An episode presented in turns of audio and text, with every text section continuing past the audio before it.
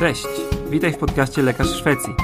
Ja nazywam się Mateusz Szywicki i jestem lekarzem medycyny rodzinnej w Kerskronie. Na łamach tego podcastu oraz na mojej facebookowej grupie przybliżam Ci realia pracy i życia lekarza po drugiej stronie Bałtyku oraz pomagam Ci w emigracji. Dobry wieczór, witajcie. Witam wszystkich zabiegowców, chirurgów, osoby zainteresowane chirurgią. Wiem, że długo oczekiwaliście na ten temat. E, dajcie mi tylko jeszcze sekundkę, żebym udostępnił live'a jak zwykle standardowo na zamkniętej grupie również. W tym czasie możecie też udostępnić jakimś swoim znajomym, którzy są zainteresowani chirurgią, czy to rezydenturą, czy specjalizacją, albo z samego jakby zaciekawienia, jak to w Szwecji funkcjonuje. I myślę, że to już jest najwyższa pora, żeby zaprosić Paulinę, która nam dzisiaj będzie opowiadała o chirurgii. Cześć Paulina. Cześć.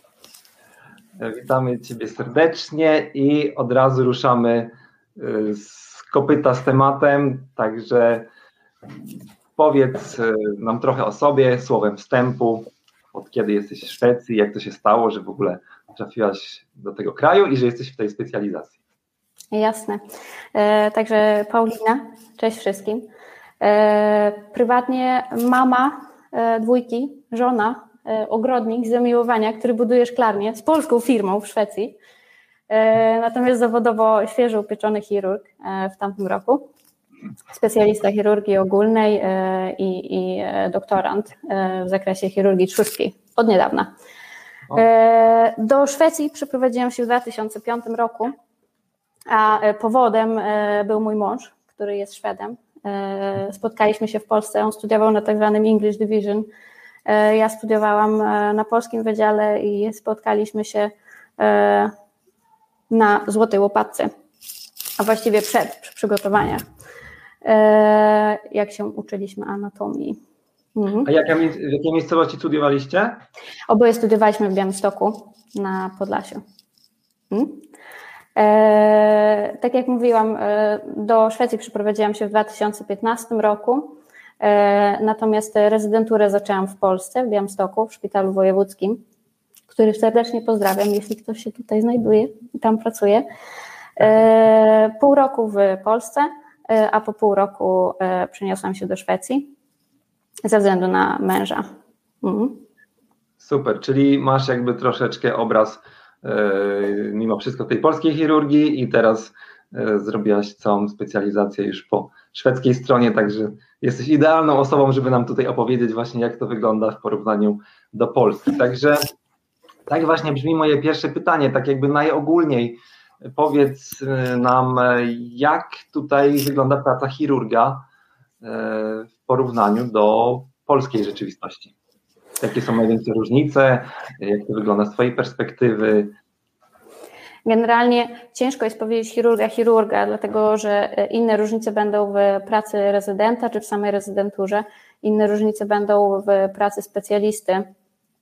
In, inny jest system dyżurowy, więc też będzie troszkę inaczej. E, nie wiem od czego, od może, czego zacząć. Może, no właśnie, to może właśnie według tych trzech głównych rdzeni, czyli właśnie najpierw może różnica w tym e, systemie kształcenia, jak dla rezydentów, mm. Później troszeczkę więcej o rzeczywistości specjalisty, a na koniec też wiem, że dużo osób o to pytało właśnie o tym, o tej linii dyżurowej i o jakby tej części. Jasne. E, to tak. E, jeśli zaczynamy o rezydenturze, e, to to, co jest ważne i może inne niż w Polsce, tutaj nie decydują o przyjęciu żadne punkty, żaden lek, lep, czegoś takiego tu nie ma. Przyjęcia też nie są, miejsca nie są przyznawane na województwo, tak jak przynajmniej było w Polsce, jak ja zaczynałam w Polsce, tylko miejsca są przypisane do konkretnego szpitala. Także jak szukamy rezydentury z chirurgii tutaj, to nie szukamy przez, przez województwo, tylko szukamy do konkretnego szpitala. E, I to szpital e, wybiera e, po rozmowie kwalifikacyjnej, także to jest głównie ocena na rozmowie kwalifikacyjnej. Nie, nie liczą się żadne oceny ze studiów, nie liczą się żadne punkty z egzaminów końcowych. E, tylko to, co się sobą prezentuje w momencie rozmowy. Mhm. Także to jest chyba duża różnica. No właśnie, a powiedz przy okazji, bo przychodzi mi do głowy takie pytanie, gdzie pamiętam ktoś coś takiego zadał z e, osób obserwujących grupę, a w takim razie jakie mm, czynniki są brane pod uwagę? Co jest tak jakby najbardziej rzutującego w takim procesie rekrutacji, akurat na mm. chirurgii? Mm. E, wiesz co, ciężko mi powiedzieć, e, jeżeli chodzi o rezydenta. Ja generalnie jestem odpowiedzialna za zatrudnianie undelekare u nas na chirurgii, także mogę powiedzieć, na co ja zwracam uwagę. E, generalnie ważne jest to, żeby być otwartym, żeby, żeby mieć poczucie humoru, żeby, żeby nie być za bardzo stresowanym, podchodzić do tego na luzie. Druga rzecz to na pewno patrzymy, czy się gdzieś wcześniej pracowało E, czy w Polsce, czy w Szwecji, czy, czy miało się długą przerwę pomiędzy e, studiami, pierwszym zatrudnieniem, e, czy jest się świeżo po studiach, czy, czy jest się świeżo po, po na przykład części rezydentury w Polsce, bo myślę, że to, to ma duży wpływ.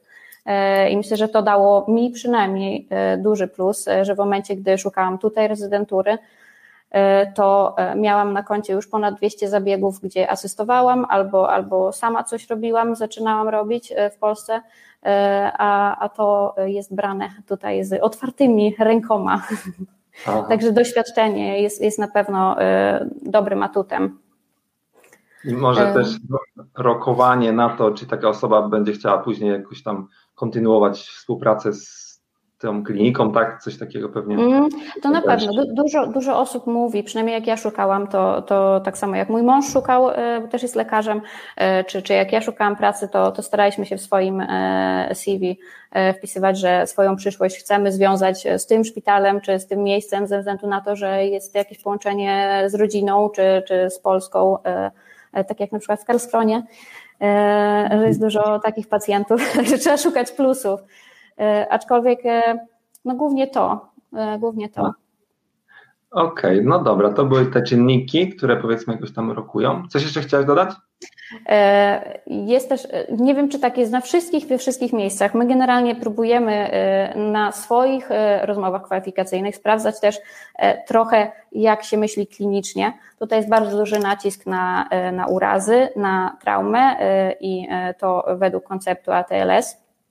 Także my na swoich rozmowach kwalifikacyjnych mamy malutkie case'y, e, żeby sprawdzić, e, jak, jak, jak się myśli, że, że ma się te w głowie A, B, C, D, E, e jak się w nagłych przypadkach reaguje. Nie wszystkie szpitale to mają, ale z tego co wiem, to dużo, dużo teraz osób tak, tak robi, rozmowy kwalifikacyjne. Nawet wiem, że na staż, przynajmniej u nas w moim obrębie w Krychansta e, też, też są takie e, pytania. Mhm. A to fajnie, że o tym mówisz, bo o to jest bardzo dużo pytań i do tej pory, przynajmniej z tego, co ja obserwowałem, to raczej ta część taka typowo, jak to powiedzieć, E, teoretyczna, to raczej nie występowała na, w procesie te, różnych takich hmm. kwalifikacyjnych drogów, ale widocznie no, ja, wiadomo, że to może być też bardzo istotne.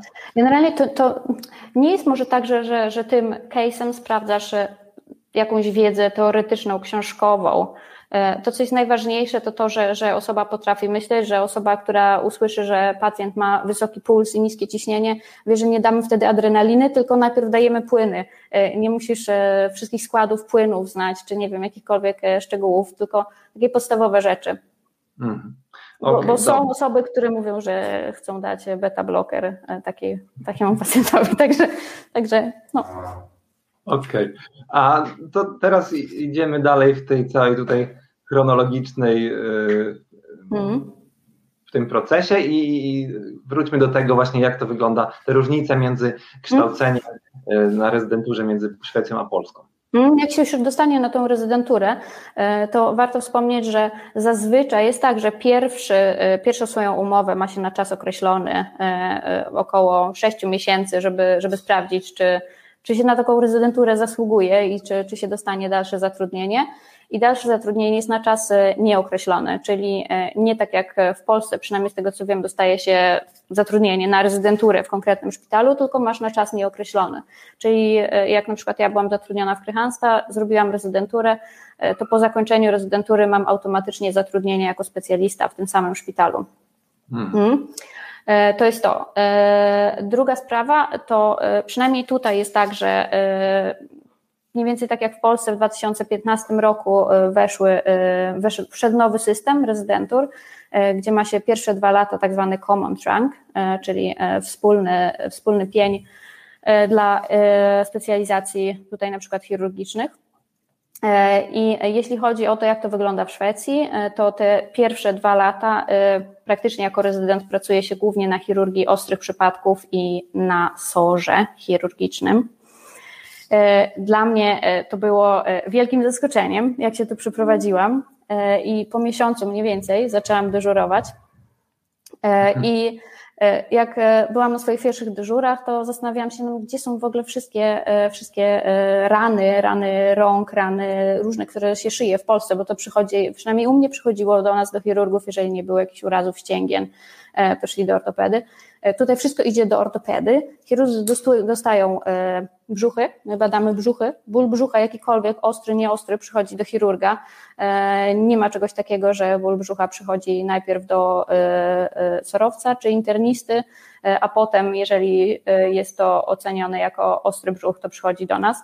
Także trochę inaczej się pracuje na sorze i dużo się pracuje na sorze podczas swoich dwóch pierwszych lat. Jeśli pracuje się jako dyżurny w Szwecji, to pracuje się jednocześnie na sorze. Zazwyczaj, przynajmniej u nas, ma się stażystę ze sobą, który jest od razu po studiach, albo jakiś wikariat miał przed, przed e, swoim stażem, e, między studiami a stażem. To jest też inaczej niż w Polsce. E, I jak mówiłam, to jest SOR, wszystkie zabiegi, które na ostro przychodzą, też dyżurny je robi. E, plus, e, jeśli coś się dzieje na oddziałach, e, to też wszystkie sześć oddziałów, które są u nas w szpitalu, ja jako dyżurny biegam. Także nie ma czegoś takiego, tak jak w Polsce, że jest oddzielny sorowiec, oddzielny lekarz na oddziale i ten, który idzie na zabiegi. Aha, tutaj teraz już zahaczasz o specjalistów, prawda? Że dyżurujący, ale specjalista. Nie, nie, nie. Dyżurujący rezydent. Rezydent, okej. Okay. Nie, generalnie jest tak, że e, e, tak jak mówiłam, I zabiegi dużo... też? Zabiegi też. Zabiegi też, aczkolwiek możemy zaczepić tutaj może o to, jak dyżury wyglądają. Generalnie e, u nas przynajmniej w szpitalu jest system, że ma się dyżur podstawowy, primerchur, melanchur, czyli środkowy i bakhur, który jest pod telefonem i jest zazwyczaj w domu. Hmm. Primerchur, czyli ten podstawowy, to zazwyczaj stażysta, E, następnie mamy melanchur, czyli ten środkowy. E, I e, ten środkowy to jest albo lekarz z pełnym prawem wykonywania zawodu, który jeszcze nie dostał rezydentury, albo rezydent, albo młody specjalista, czyli tak jak na przykład ja, świeżo upieczony, to jeszcze, jeszcze dyżuruję, tak, niestety. I dalej mamy bakur. Bakur to są zazwyczaj ewe lekarze, czyli lekarze bardziej doświadczeni, specjaliści, E, którzy są pod telefonem e, i e, zawsze jeżeli jest coś, czy do zabiegu, kiedy czujesz, że sam tego zabiegu nie zrobisz albo potrzebujesz pomocy, czy też jest tak, że masz jakieś pytania, masz jakiegoś pacjenta i musisz przedyskutować, bo sam nie wiesz, jak dalej iść i co robić, to też możesz dzwonić i konsultować. Mhm. E, także tak to wygląda. E, generalnie w Szwecji jest tak, przynajmniej moje odczucie było takie, e, ja miałam trochę ze sobą doświadczenia tych takich podstawowych rzeczy, appendyktomii czy przepukliny, to, to, co, to co w Polsce zrobiłam. Także tutaj jak tylko zrobiło się jeden zabieg, gdzie miało się asystenta trochę bardziej doświadczonego, który zauważył, że, że potrafisz to robić, to następnym razem robisz sam. Mhm. E, także dużo szybciej wchodzi się do tego. Nie ma czegoś takiego, że e, tak jak w Polsce, przynajmniej e, ja stałam najpierw do 40 może zabiegów jako asystent, żeby później zrobić to, zrobić to samemu. Tutaj czegoś takiego nie ma. Okej, okay. poza tym jakby już jak przyuważyli tutaj w Szwecji, że coś z czymś sobie radzisz, to już dalej mogłaś to sama robić, tak? Dokładnie. Także jest see one, do one, teach one. To wow. jest reguła tutaj. Ale mimo wszystko mówisz, że w Polsce jakby ta, ten początek specjalizacji jest bardziej naszpikowany mimo wszystko zabiegami, a tutaj w mm. Szwecji bardziej naszpikowany ten początek jest dyżurami, tak? Dokładnie. Problem jest taki, że w momencie, przynajmniej ja tak uważam, w momencie, e, kiedy zaczynasz rezydenturę tutaj e, i wcześniej nie pracowało się na oddziale chirurgicznym i nie ma się żadnego doświadczenia, e, to jeśli masz dużo dyżurów i, i dużo pracy na sorze, gdzie masz możliwość robienia zabiegów samemu, ale nigdy tego zabiegu wcześniej nie zrobiłeś, to może być tak, że że nie zrobisz tych zabiegów, a jak Bakur przyjedzie, to na przykład chce, żeby szybko wrócić do domu, bo jest godzina o północy albo 11, więc nie dostaniesz tej możliwości, żebyś ty robił, e, a, e, a e, Bakur jest w domu, czy tam asystuje. Także uczysz się głównie za dnia. Hmm. A w nocy są, są bardzo dobre okoliczności, żeby robić dużo zabiegów, jeśli się już jakieś doświadczenie ma. A, okej. Okay. Dobra. E, Różnica jest też taka, to co żeśmy wcześniej rozmawiali e, prywatnie, Mateusz, że e, ja nie wiem, jak jest teraz w Polsce, aczkolwiek jak ja zaczynałam w Polsce, to ja nie mogłam mieć samodzielnych dyżurów na sorze podczas pierwszych bodajże dwóch lat, tylko na oddziale miałam dyżury i na oddziale wtedy asystowałam do zabiegów, bo też uczono mnie tych zabiegów podczas dyżurów. Tutaj w Szwecji jest tak, że jest zupełnie odwrotnie że pierwsze dwa lata to jest głównie e, SOR i chirurgia głównie ostrych przypadków. Także jest mhm. zupełnie e, odwrotny system. To tutaj poprosimy o komentarze od osób, które pracują w Polsce. Czy nadal tak jest, czy coś się zmieniło, czy, czy, czy jest to aktualne? E, I poza tym też bardzo prosimy o pytania, bo mam tutaj przygotowaną pewną pulę, pewną pulę takich podstawowych pytań, ale chcemy też oczywiście interakcji z publicznością, także zadawajcie pytania w komentarzach i zaraz jak już tutaj te podstawowe kwestie omówimy, to będziemy e, sypać pytaniami od publiczności. Tutaj po boku mam panel, na który te wszystkie pytania spływają, więc będę wyświetlał po kolei. Także śmiało, nie wstydźcie się. A my lecimy dalej. W takim razie, czy już rezydentów omówiliśmy do końca, czy coś jeszcze byś chciała tam mm. dodać? Rezydentura, do... nie wiem jak w Polsce teraz jest. Jak ja zaczynałam, to wydaje mi się, że z chirurgii ogólnej rezydentura trwała 6 lat. E, tutaj jest tak, że rezydentura trwa 5 lat, 12 miesięcy. Jeśli jest się na urlopie macierzyńskim, podczas tego czasu to się odlicza urlop macierzyński. E, jeśli jest się na wolnym e, z dyżurów, czyli tak zwanym chórką, to wlicza się to do, do rezydentury, mimo tego, że na przykład bierze się 4 tygodnie czy 5 tygodni wolnego. E, także, także to się wlicza. E, to może skomentujmy od razu, co to jest ten chórkomp, bo to mm. jest istotna rzecz w życiu. Ja? To w bardzo życiu, istotna rzecz, tak, bardzo dobra. Lekarza w specjalizacji zabiegowej, dyżurowej. Mm. Mm. System wygląda tak, że w Szwecji jak się dyżuruje, to podczas e, dnia może wejdziemy też na stawki, bo to będzie, będzie się łączyło. E, w ciągu dnia dostaje się stawkę godzinną razy jeden. W ciągu nocy od godziny bodajże dziewiątej, przynajmniej tak jest u nas Skone, od godziny dziewiątej wieczorem do, do rana stawka jest razy jeden i pół i tak samo jest w weekendy. I teraz jak się dyżury, właściwie płace za dyżury odbiera, w tak zwanym HR Finster e, w naszym systemie e, w komputerze. E, po zalogowaniu wpisuje się, ile chce się wybrać w tak zwanym hurkom, czyli czasie wolnym, który się odbiera, a ile chce się wybrać w pieniążkach. Generalnie, i to jest właśnie ten hurkomp, czyli za każdą godzinę przepracowaną w ciągu nocy dostaje się 1,5 godziny do wykorzystania jako czas wolny. E, mhm. Pracodawcy bardzo lubią, jak się bierze w czasie wolnym, a nie w pieniążkach za dużo.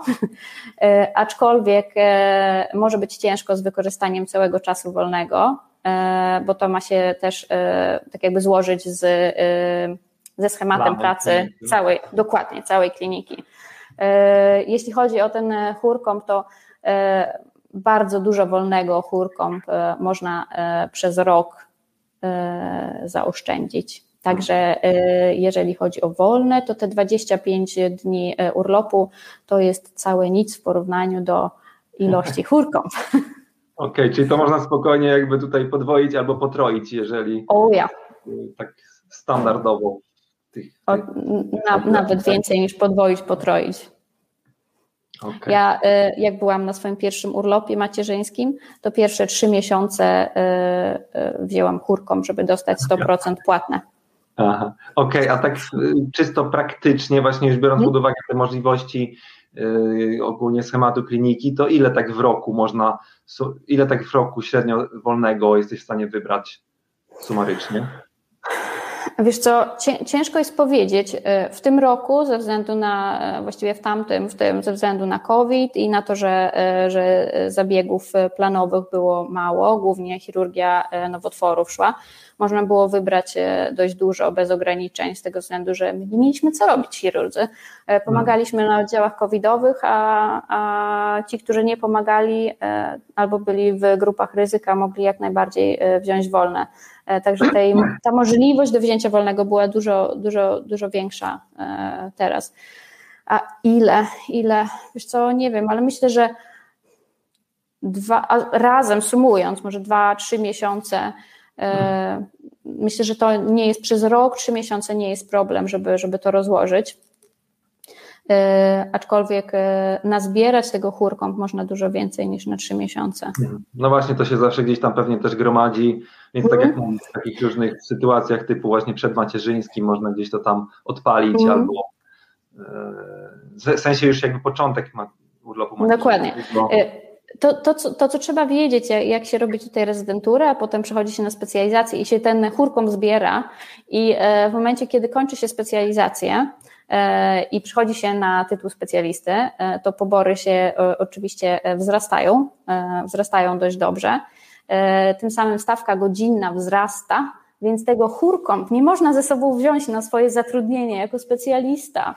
Więc wtedy, jak ma się za dużo chórkąp na swoim koncie, ja tak miałam, to dostaje się to wszystko wypłacane w jednym wielkim klump i płaci się 60% podatku. A wiesz co, to może akurat jest u, uwarunkowane od jakichś regionalnych umów, bo ja powiem Ci, że miałem bardzo podobnie, to znaczy ja oczywiście nie miałem takich hmm?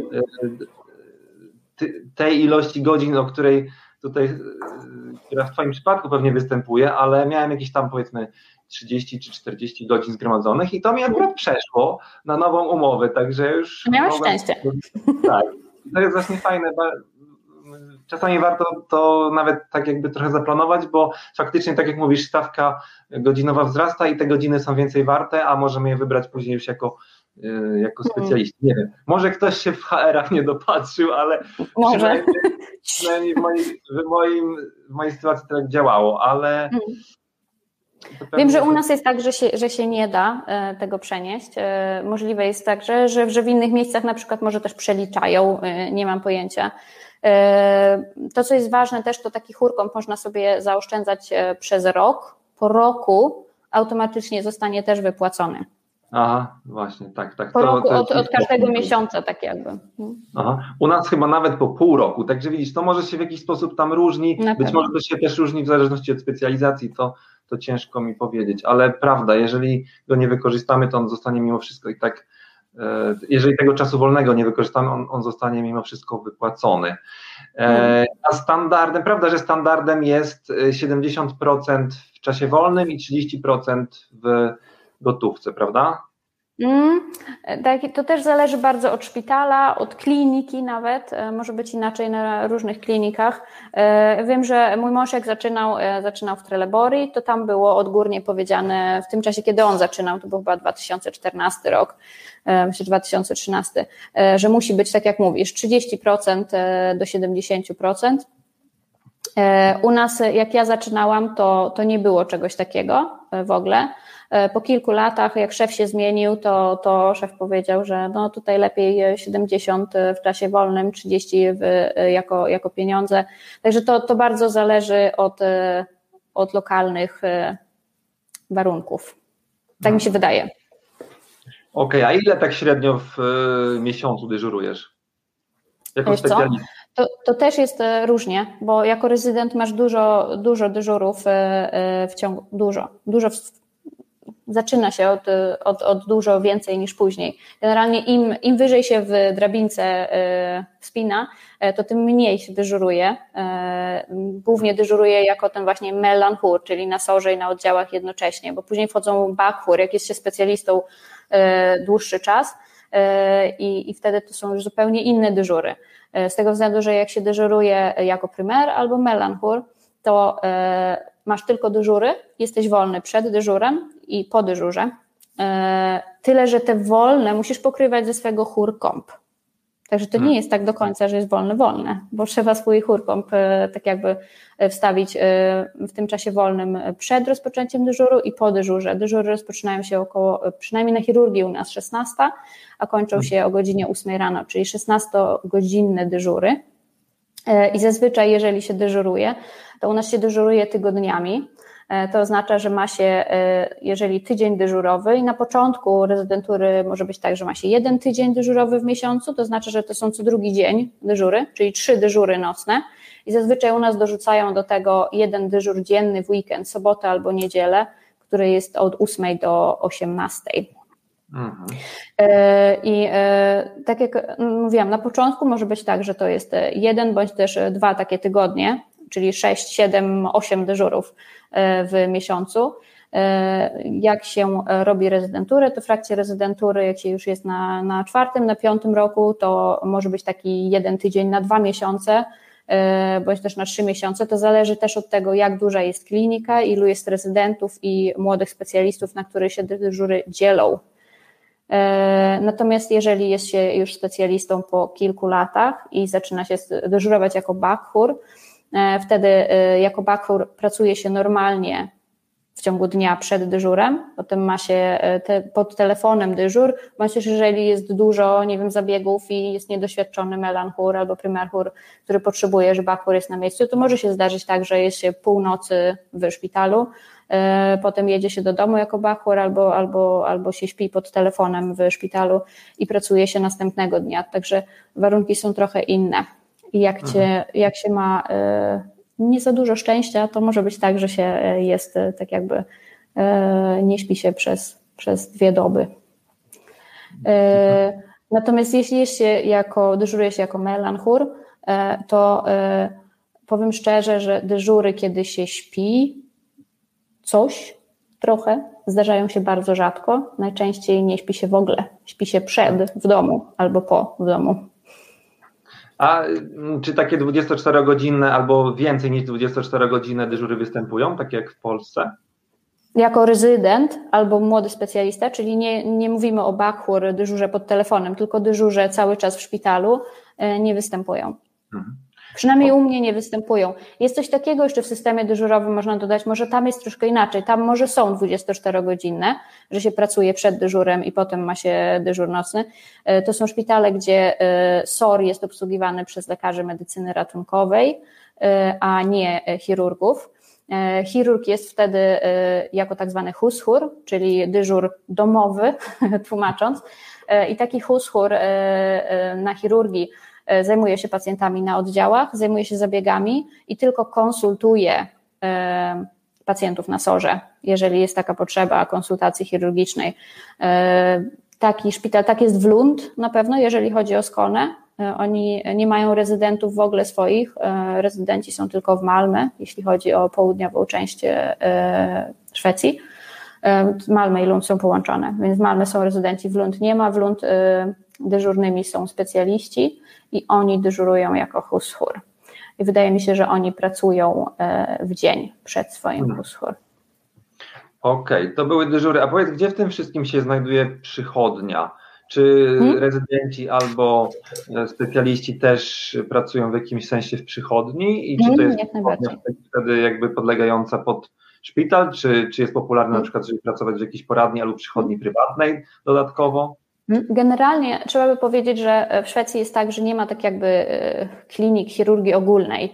Jest duża klinika chirurgii, tak jak na przykład u mnie. Jesteśmy e, kliniką chirurgii, gdzie mamy 37 specjalistów, mamy 8 rezydentów e, i ta duża klinika tak jakby obejmuje chirurgię naczyniową, chirurgię ostrych przypadków, która jest chyba najbliższa chirurgii ogólnej, chirurgię plastyczną, chirurgię piersi, chirurgię endokrynologiczną, chirurgię górnego odcinka przewodu pokarmowego, chirurgię dolnego odcinka przewodu pokarmowego i urologię. Urologia też jest razem z nami, nie jako oddzielna klinika.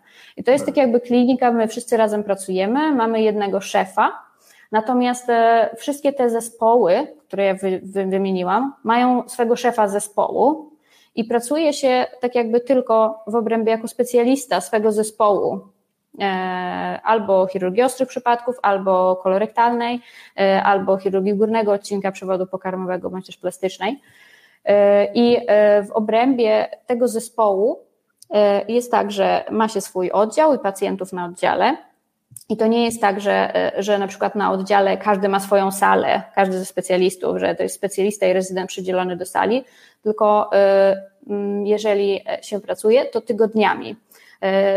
Czyli na przykład w tym tygodniu ja jestem rezydentem, który jest na oddziale i jakiś specjalista, w następnym tygodniu jest ktoś inny. I wtedy cały oddział jest przypisany do tego specjalisty rezydenta. Natomiast inni na przykład w tym samym czasie mają poradnię, jak najbardziej poradnię chirurgiczną. Poradnia też jest podzielona. Jest poradnia ostrych przypadków, to głównie do tych ostrych też u nas tak jest, że e, zabiegi planowe, czyli pęcherzyki i przepukliny też przychodzą do tego zespołu, do poradni. Natomiast kolorektalni mają swoją poradnię chirurgiczną, gdzie mają swoich pacjentów nowotworowych, gdzie mają też proktologię. E, chirurgia piersi ma swoją poradnię. Także te poradnie są i jako rezydent ma się jak najbardziej poradnie też. No i zabiegi też są. Kiedyś było tak u nas, że miało się jako rezydent całe, całe, cały tydzień E, jako DAG, UP tak zwane, czyli dzienne, e, dzienne zabiegi. Wtedy cały tydzień robiło się albo przepukliny ze specjalistą, albo e, kolesystektomię. Teraz jest troszkę inaczej, ale to też jest różnie w różnych miejscach. To, co jest ważne może do rezydentury, to to, że tak jakby rezydent pracuje kolejno ze wszystkimi tymi zespołami. E, najpierw ma się dwa lata głównie na e, tak zwanym KAWA, czyli chirurgii ostrych przypadków i SOR, a później resztę cztery lata dzieli się pomiędzy te wszystkie zespoły. E, najdłuższe okresy to chirurgia dolnego odcinka przewodu pokarmowego i górnego odcinka przewodu pokarmowego. Te inne, na przykład urologia, czy naczyniowa, czy piersi, to są mniej więcej trzymiesięczne staże które się robi. Jest też okres w rezydenturze, e, teraz nie pamiętam, czy dokładnie 6 miesięcy czy 8 miesięcy, to nie są sztywne ramy. Każdy ustala sam swój plan rezydentury w zależności od zapotrzebowania. Aczkolwiek mhm. jest też e, miejsce na to, żeby e, na przykład jakieś się bardziej zainteresowanym czymś, czymś, czego nie ma w Twoim szpitalu, jakąś większą chirurgią na przykład, która jest scentralizowana do innych uniwersyteckich ośrodków, to możesz e, e, po uzgodnieniu z szefem e, mieć staż w tym innym hmm. miejscu. Okej, okay, ale w takim standardowym pakiecie to nie macie żadnych zewnętrznych staży na jakichś innych całkiem obcych klinikach? To zależy, to zależy, co jest w szpitalu. Na przykład w moim szpitalu jest wszystko praktycznie, oprócz chirurgii trzustki, chirurgii wątroby. To jest centralizowane tylko i wyłącznie w Lund i w całej Szwecji jest bodajże 6 czy 8 ośrodków, które to robią. E, także taki staż zewnętrzny można mieć. Natomiast e, wiem, że na przykład w Sztokholmie e, czy, czy w mniejszych miejscowościach jest tak, że są szpitale, które mają tylko duże zabiegi nowotworowe, nie mają tej chirurgii planowej, jeżeli chodzi o mniejsze rzeczy, przepukliny czy też mm, pęcherzyki. I wtedy ma się specjalny staż zewnętrzny w mniejszym szpitalu, tylko żeby się nauczyć tych podstawowych zabiegów. Hmm. Także są staże zewnętrzne jak najbardziej. Ale to, to zależy, w jakim szpitalu się robi rezydenturę. Hmm. Okej. Okay. E, to jeszcze tylko szybko dopytam, bo wiem, że było pytanie o ubezpieczenia, jak funkcjonują właśnie pod względem mm. dla, właśnie dla chirurgów i później przejdziemy do pytań, bo się trochę, pytań publiczności, bo się już trochę tego nawet zebrało, powiem Ci. Więc Super, bardzo się cieszę. Trudnie właśnie jak wygląda odpowiedzialność lekarzy i te ubezpieczenia, czy to w ogóle mm -hmm. tak samo jak w Polsce działa, czy jakoś inaczej? Ja e, powiem tak, ja mogę powiedzieć to, co ja wiem, generalnie. Także nie, nie mogę się wydawać jakieś bardzo duże szczegóły, ale to, to, to, co jest ważne, żeby powiedzieć, to to, że sytuacja w Polsce i w Szwecji wygląda inaczej, jeżeli chodzi o pozwy, jeżeli chodzi o odpowiedzialność lekarza. Z tego względu, że w Szwecji pacjenci nie mogą tak jakby złożyć pozwu na indywidualnego lekarza. Odpowiedzialność jest ponoszona przez pracodawcę, przez całą klinikę bądź też szpital, e, a e, nie, nie, można tak jakby e, pozwać pojedynczego lekarza. Z tego względu nie jest to częste, żeby, żeby jakieś ubezpieczenie mieć. Generalnie ja starałam się przygotować z ubezpieczeń. Z tego co ja wiem, u nas, u nas na chirurgii Mało kto ma jakieś dodatkowe ubezpieczenia oprócz tego, co jest standardowe, zapewniane przez szpital. E, wiem, że e, anestezjolodzy e, u nas niektórzy mają dodatkowe ubezpieczenia. To się nazywa bodajże Yrkesversicherung, czyli ubezpieczenie zawodowe, które można pokryć przez Folksam. Jest, jest związki zawodowe szwedzkie, lekarskie mają, mają jakąś ofertę, którą którą z tym Folksam e, wypracowali. E, I takie dodatkowe ubezpieczenie kosztuje 400 koron na miesiąc. E, jeżeli jest się członkiem lekar Verbundet, czyli Związku Zawodowego Lekarzy, jeżeli nie jest się członkiem, to kosztuje ono 800 koron na miesiąc. I takie ubezpieczenie może pokryć ileś tam godzin rocznie, około 15 chyba konsultacji z radcą prawnym, jeżeli potrzebujesz E, bądź też e, koszty sądowe e, też może pokryć. Jeżeli ktoś jest zainteresowany szczegółami, to można sobie przeczytać na lekarz Ale generalnie to, co jest ważne, to, to ważne jest to, że, że tak jakby to szpital ponosi odpowiedzialność. Nie ma czegoś takiego, że indywidualny lekarz ponosi odpowiedzialność. Natomiast jeżeli chodzi o ubezpieczenie y, moje, mnie jako lekarza, y, y, jeżeli jakiś wypadek w pracy się zdarza, to oprócz zwykłego ubezpieczenia, które wszyscy mamy, praca też pokrywa dodatkowe ubezpieczenie, o którym nie wszyscy wiedzą. Ja nie wiedziałam. E, aczkolwiek jest, jest takie dodatkowe ubezpieczenie pokrywane przez pracodawcę i w momencie jakiegoś wypadku e, przy pracy e, można jakieś dodatkowe pieniążki dostać z tego. Mhm. Super, faktycznie bardzo dobrze się przygotowałaś i ja wszystko to potwierdzam. Jakby główne główne tutaj, główna odpowiedzialność wisi na tej jednostce, w której pracujemy, tak więc tam, hmm. tam pochodzą te główne ubezpieczenia, a jeżeli ktoś ma ochotę i bardzo się chce jeszcze o dodatkowy jakiś ryzyk ubezpieczać, to jakby ku temu są oczywiście też możliwości. Hmm. E, dobra, to lecimy w takim razie z panelem pytania, będę wyświetlał tutaj na dole, pozwolisz tylko, że przeczytam po, e, po prostu zanim odpowiesz, żeby też to było później hmm. słyszalne w podcaście, bo będzie z tego zrobiony mhm. odcinek podcastu. Malwina pyta, czy to znaczy, że sama robisz zabiegi, jeśli umiesz, na przykład cholecystektomię i tak dalej. Rezydent mm. robi sam. Mm. To jest tak, że to, to też było dużą różnicą, jak ja się tu przeniosłam e, i na pewno to też zależy od, od szpitala, w którym się pracuje, aczkolwiek w moim szpitalu jest tak, e, że E, bardzo rzadko stoi się e, przy takich zabiegach jak kolesystektomia, czy jak przepuklina e, pachwinowa dwóch chirurgów. Najczęściej jest to ten, który wykonuje zabieg i pielęgniarka, która asystuje zabiegowa. Jeżeli zabiegowa asystuje jako pierwsza asysta i, i podaje wszystkie narzędzia. Tak to wygląda. Natomiast jak się na początku zaczyna, to oczywiście na początku, jak na przykład u nas były całe tygodnie, gdzie się robiło tą procedurę, E, tą samą e, na początku rezydentury. Na początku miało się specjalistę, który był w tym tygodniu razem ze mną e, i wtedy żeśmy stali we dwoje, plus pielęgniarka zabiegowa. A jak się już pokaże, że ten zabieg umie się zrobić, to stoi się samemu z pielęgniarką. Okay. Bądź też jest się, jest się miłym dla młodszych rezydentów i się dzwoni i pyta, masz ochotę może razem stać? Aha. E, Ewa pyta, jak trudno jest się dostać na specjalizację z chirurgii ogólnej i bardziej wąskich, na przykład naczyniowa, onkologiczna? Hmm, właśnie, o tym chciałam powiedzieć. Onkologiczna, czegoś takiego nie ma w Szwecji.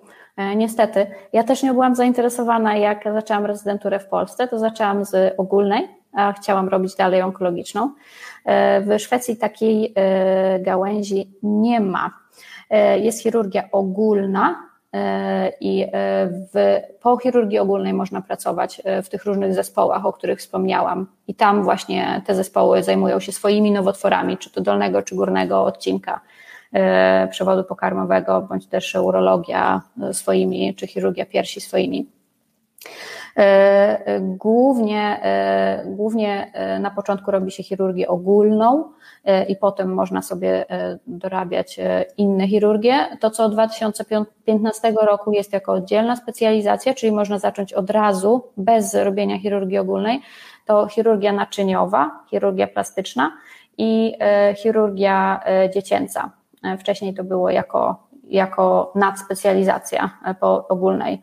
E, I urologia też jest teraz jako oddzielna. Wcześniej była, trzeba było zrobić ogólną i urologię. Jak trudno się dostać?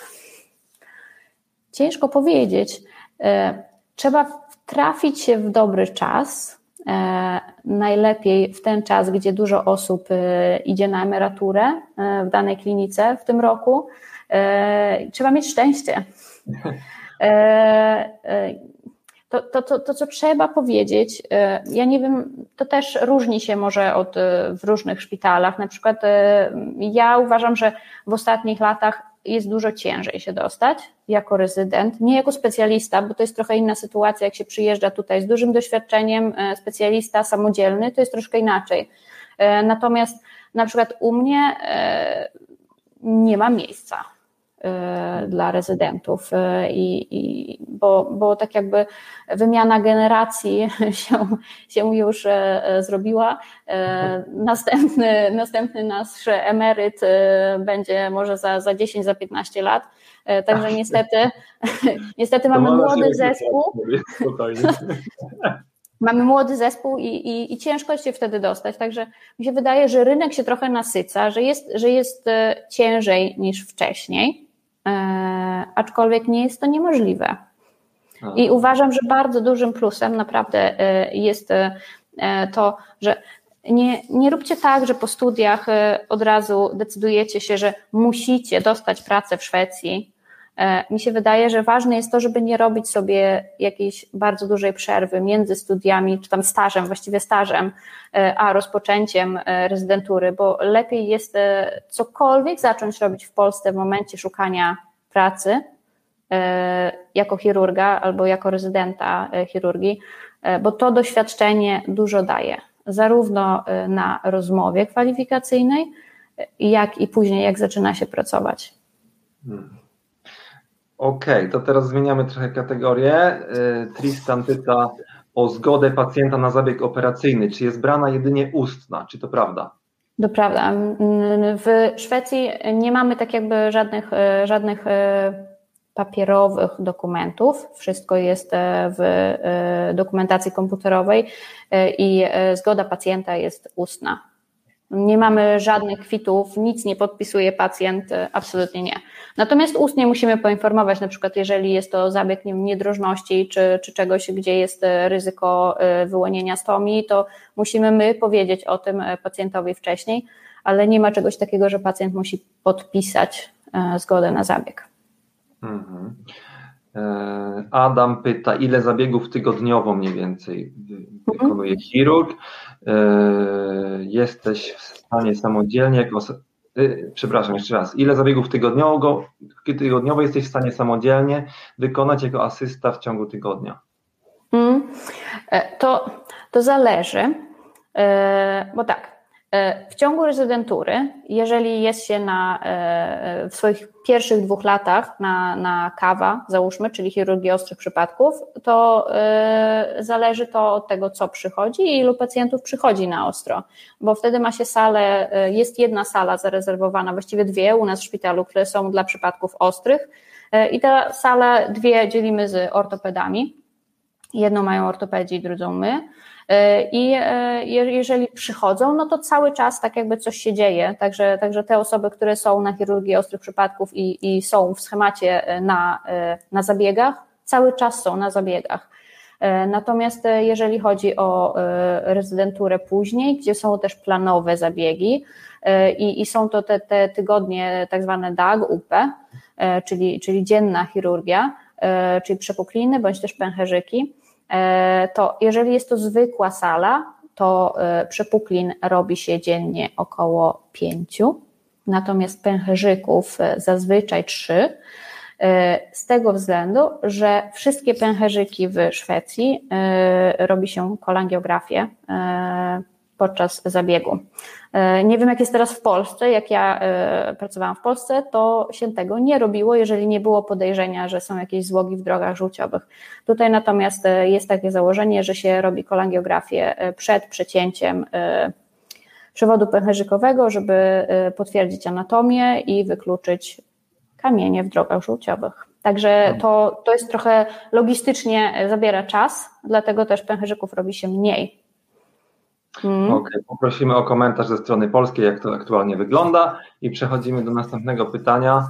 Ewa pyta, czy specjalizacja kończy się egzaminem, czy wystarczy na przykład zrobić tylko odpowiednią ilość procedur? Hmm, to jest też bardzo dobre pytanie. To, to było fantastyczne pytanie, e, dlatego że egzaminu nie ma. Nie ma żadnego teoretycznego egzaminu, nie ma żadnego ustnego egzaminu, nie ma żadnego pisemnego egzaminu. E, także trochę, trochę, trochę jest takie. E, niedosycenie, jak się zostaje specjalistą, bo przychodzi pocztą papier o socjalstyrelse, że jest się specjalistą kartka i nie było A4. żadnego dużego egzaminu. E, także, także kartka A4, biała, e, czarnym tuszem wydrukowane, że ma się tytuł specjalisty. E, także, a poważnie to jest tak, że jeżeli chodzi o kompetencje specjalisty, to tą kompetencję e, przed wysłaniem papierów do Socialstyrelsen, które przyznaje tytuł specjalisty, tą kompetencję ma potwierdzić e, Verksamhetschef, czyli e, szef u nas chirurgii, plus studierektor, czyli, czyli rektor, który też jest oddzielny na chirurgii, oddzielny na internie, i mój szef specjalizacji, czyli oni we trójkę podpisują się na na, na dokumencie, na papierze, który ja wysyłam, e, że e, mam kompetencje specjalisty. Ilość procedur, nie ma czegoś takiego jak w Polsce, że musisz rejestrować wszystkie swoje procedury, dostawać jakieś punkty, wyrobić punkty, absolutnie czegoś takiego nie ma. Jeżeli umiesz coś robić i, i twój szef specjalizacji i, i szef i studiorektor widzi, że, że to umiesz, to umiesz. I to wystarczy. E, natomiast e, jest rekomendacja ze strony Towarzystwa Chirurgów, e, że tego nie było wcześniej, natomiast teraz jest i to jest tylko rekomendacja, czyli tego się nie wpisuje w żadne papiery, nie trzeba tego potwierdzić w żaden sposób, aczkolwiek rekomendacja jest 50 przepuklin, 30 kolesystektomii albo 40, 50 o czym zapomniałam, 50 przypuklin, 50 wyrostków e, i 100 innych procedur brzusznych. E, natomiast nie jest, to, nie jest to jakkolwiek wymagane, to jest rekomendowane. Hmm. Okej. Okay. E, Rafał pyta, czy w Szwecji również powszechne jest udzielanie świadczeń u różnych pracodawców oraz łączenie pracy publicznie i komercyjnie? Nie, tutaj pracuje się w jednym miejscu, a jak się skończy pracę, idzie się do domu, zajmuje się swoim hobby i ma się wartościowe pobory bez pracy w różnych miejscach. E, e, tutaj jest tak, że pracuje się w jednym miejscu. E, oczywiście są jakieś pojedyncze przypadki, może gdzie ktoś tam prywatnie sobie też coś robi, aczkolwiek jest tak, że różnie jest w różnych województwach na pewno jest też, e, różnice są. E, w Skone jest tak, że jeżeli pracuje się w sektorze publicznym, to nie można jako tak zwany stafet lekary pracować w, e, w, w Skone, w tym samym województwie. Tu zahaczamy o, o nowy temat. stafet lekary. Tak, będzie musiał być osobny odcinek o tym. Mm. Dużo ale w skrócie faktycznie świetnie to ujęłaś, że właśnie Tutaj pracuje się w jednym miejscu i albo pracuje się w publicznym, albo się pracuje właśnie na tak zwanych zastępstwach, ale większość mm. osób pracuje mimo wszystko na etacie. Mm. Jeśli, cho jeśli, jeśli, chodzi o, o, prywatne, to, to, to jest też. Nie ma tutaj dużo prywatnych poradni. Tutaj nie ma czegoś takiego, że, e, że pracuje się w szpitalu, wychodzi się wcześniej o godzinie 14 i biegnie się do swojej poradni prywatnej i, i tam się robi cash in. Czegoś takiego nie ma. E, hmm. Pracuje się w jednym miejscu. E, poradni prywatnych jest bardzo mało. Jak się pracuje w poradni prywatnej, to zazwyczaj pracuje się tylko tam. Są trzy różne, trzy różne sposoby e, na założenie działalności prywatnej, ale to już jest zupełnie inna bajka i ciężko jest założyć e, prywatną działalność w Szwecji. Mhm. Słuchaj, Rafał komentuje, że w Polsce wciąż cholangiografia to rzadkość, także to mm. ciekawostek. E, I jeszcze proponuję może dwa ostatnie pytanka, bo już będziemy powoli kończyć, żeby Pauliny nie zamęczyć. Tutaj jest pytanie również od Rafała, czy w czasie rezydentury jest określona liczba lista kursów i staży do ukończenia? Mm. Jeżeli chodzi o kursy, to jest lista 20 kursów. W tych kursach są zarówno kursy kliniczne, e, czyli chirurgia na przykład naczyniowa, chirurgia piersi, chirurgia e, kolorektalna e, oraz kursy niekliniczne, czyli etyka, bądź też prawo, takie mniejsze. E, te, te kliniczne są dłuższe, są trzy albo pięciodniowe, e, te inne są zazwyczaj jedno, dwudniowe, e, dużo mniejsze. One są takie same dla chirurgów, takie same dla internistów.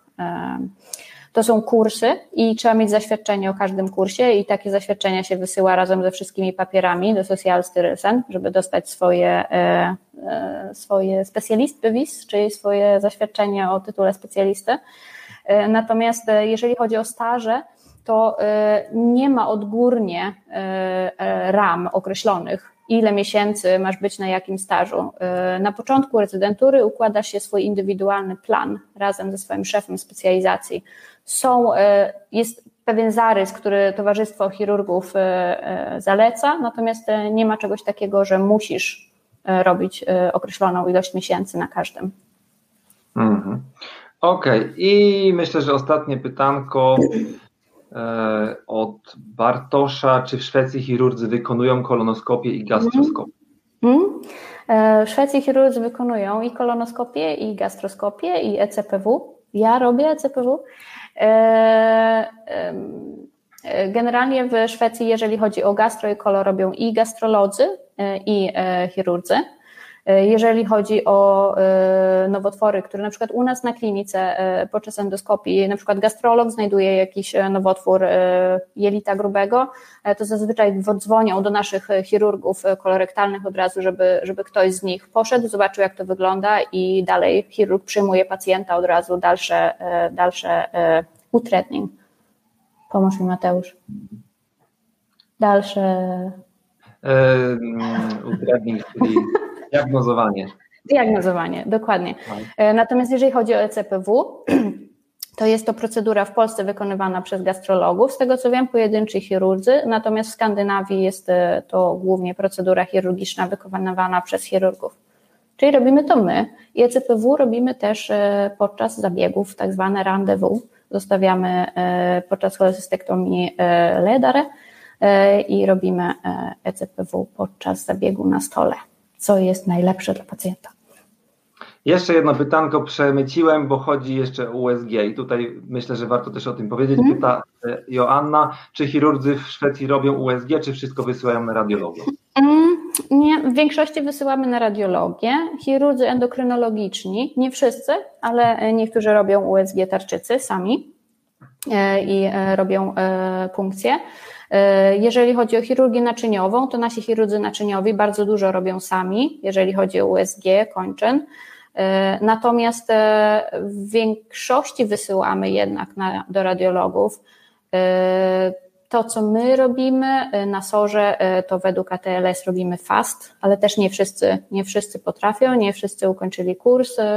Kurs ATLS musisz zrobić, żeby zacząć dyżurować w Szwecji jako, jako chirurg. E, na sorze. E, natomiast e, jeżeli chodzi o ATLS, to fast uczysz się na ATLS jakieś pół godziny albo godzinę. To nie jest wystarczające, żeby każdy, każdy to potrafił. Także dużo korzystamy z, z radiologów. I radiologia też wygląda troszkę inaczej tutaj niż w Polsce, bo właściwie zdjęć przeglądowych tutaj się nie robi, tu się robi tomografię. Różne, różne tomografie. Okej, okay, no to tym pozytywnym akcentem myślę, że zakończymy. Dziękuję Ci serdecznie za ten, ten kawał super merytorycznej wiedzy i informacji właśnie z dziedziny chirurgii. Powiem Ci, że oglądało nas tutaj pilnie, w niektórych momentach 120, czasami lekko ponad 120 osób, także duże, duże zainteresowanie mimo wszystko temat wywołał. Super, bardzo się cieszę. Jeżeli ktoś jest zainteresowany, to jak najbardziej można mnie sobie tam na grupie znaleźć e, e, i napisać. E, ja chętnie odpowiem na, na resztę pytań, jeżeli ktoś ma jakieś inne, jest konkretnie zainteresowany. O poborach nie wspomnieliśmy, nie wiem czy.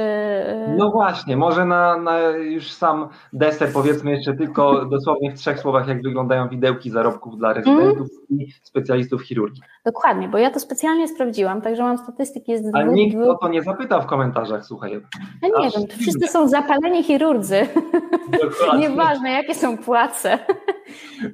Jeżeli chodzi o, o, o rezydenta, e, to e, średnia płaca E, to jest e, krajowa średnia, e, to jest w 2020 roku około 45 tysięcy. Natomiast rozpiętość to jest mniej więcej od 42 do 48-50 tysięcy podczas rezydentury. I to są pobory bez dyżurów. Czyli wszystko to, co się dyżuruje, to są dodatkowe. Można sobie nazbierać dwa razy tyle poborów, jeżeli się dyżuruje dużo. Mhm. E, jeżeli chodzi o specjalistę, e, to te podstawowe pobory też bez dyżurów. E, średnia to jest około 65 tysięcy. Natomiast 90 percentyl, czyli jeżeli 10% ma więcej niż 72,5 tysiąca,